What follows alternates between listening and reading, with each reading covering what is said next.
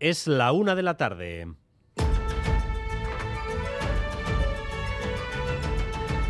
Crónica de Euskadi con Dani Álvarez.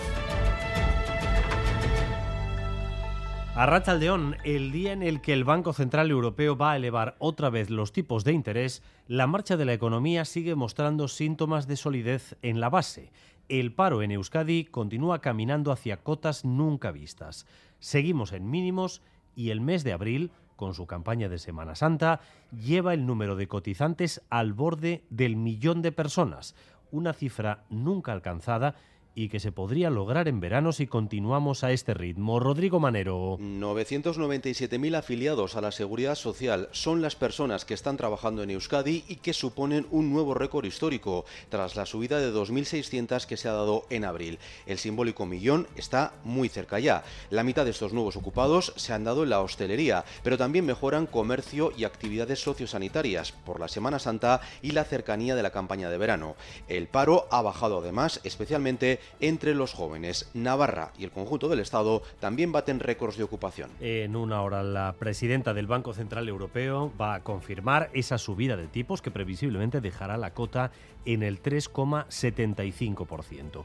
Es posible, eso sí, que estemos ya ante una de las últimas subidas al verse que la demanda de crédito ha caído notablemente como consecuencia de las seis alzas consecutivas que llevamos. Y en el ámbito internacional, la tensión sigue siendo muy elevada tras los artefactos contra el Kremlin que fueron interceptados por la defensa rusa ayer. Rusia habló de un atentado de Ucrania contra Vladimir Putin. Hoy la denuncia por elevación ya va contra los Estados Unidos. Oscar Pérez. El portavoz del Kremlin asegura que saben en Moscú que este tipo de operaciones se diseñan y deciden en Estados Unidos y luego se ejecutan en Kiev. Washington decide los medios y los objetivos, ha dicho el lugarteniente de Putin. Esta pasada noche Rusia ha respondido como lo viene haciendo en el último año, lanzando más de una veintena de drones y misiles contra el centro sur y este de Ucrania. 18 de los 24 artefactos han sido derribados por las defensas antiaéreas. Mientras tanto, el presidente Zelensky ha realizado una visita sorpresa a La Haya y ha hablado en la sede del tribunal que ha ordenado el arresto de Putin. El agresor debe sentir todo el poder de la justicia, solo él ha defendido Zelensky en su intervención hoy en el Tribunal Penal Internacional. Y hace una hora se ha publicado el nombre del ganador del premio Eusko Ikaskuntza de Humanidades, Ciencia e Investigación.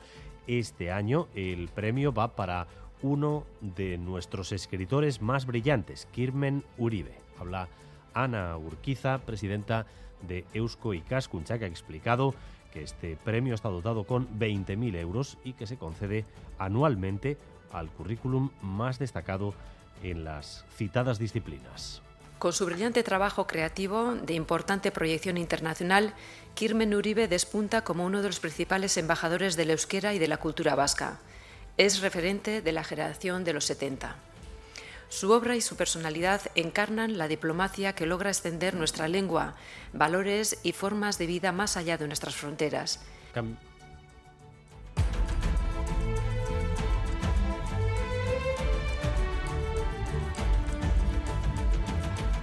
Voz de alarma por el consumo temprano, cada vez más temprano de alcohol. Los adolescentes navarros empiezan a beber a los 13 años.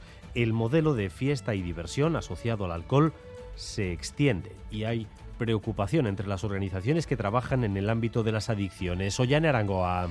De hecho, los jóvenes navarros comienzan a consumir sí alcohol a los 13 años, pero acuden a programas de prevención eh, como el Suspertu de Proyecto Hombre a los 16. La principal causa sigue siendo el consumo de drogas, alcohol y tabaco, pero Proyecto Hombre advierte lo que hace reaccionar a las familias no es eso, sino el consumo de cannabis. Por eso pide una reflexión en torno al modelo de socialización muy ligado al alcohol y a las administraciones planes preventivos comunitarios. En la localidad vizcaína de Musquis, la Erchancha está buscando al autor de un intento de secuestro de un chico en la tarde de ayer. El chaval salía de entrenar y un individuo, un individuo desconocido a bordo de un coche le pidió que entrara. Él se asustó, llamó a sus padres y se zafó de la situación. Musquis, Eder Carrero, Arrachaldeón.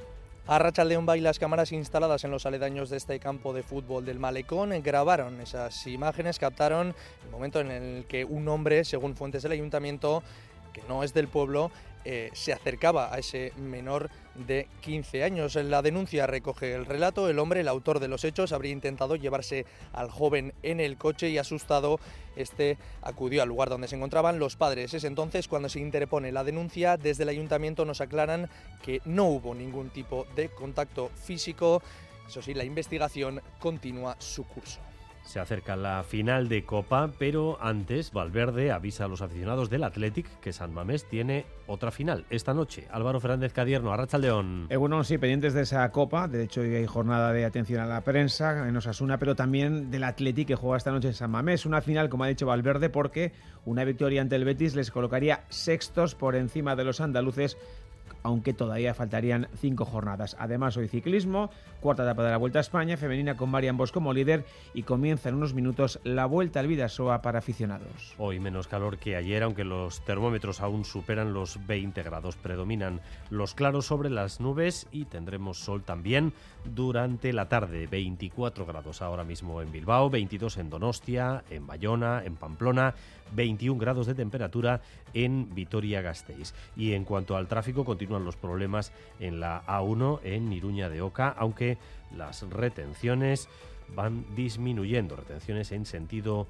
Burgos por las obras que se están llevando a cabo en esa carretera. A1, Iruña de Oca, sentido Burgos, retenciones debido a unas obras. Gracias un día más por elegir Radio Euskadi y Radio Vitoria para informarse. Raúl González y Jorge Ibáñez se encargan de la dirección técnica, a Itziber Bilbao de la coordinación. Este jueves en Gambara, Olaz Garamendi, la consejera de Gobernanza Pública y Autogobierno, a partir de las 8 de la tarde en Radio Euskadi. Gambara, con Arancha García.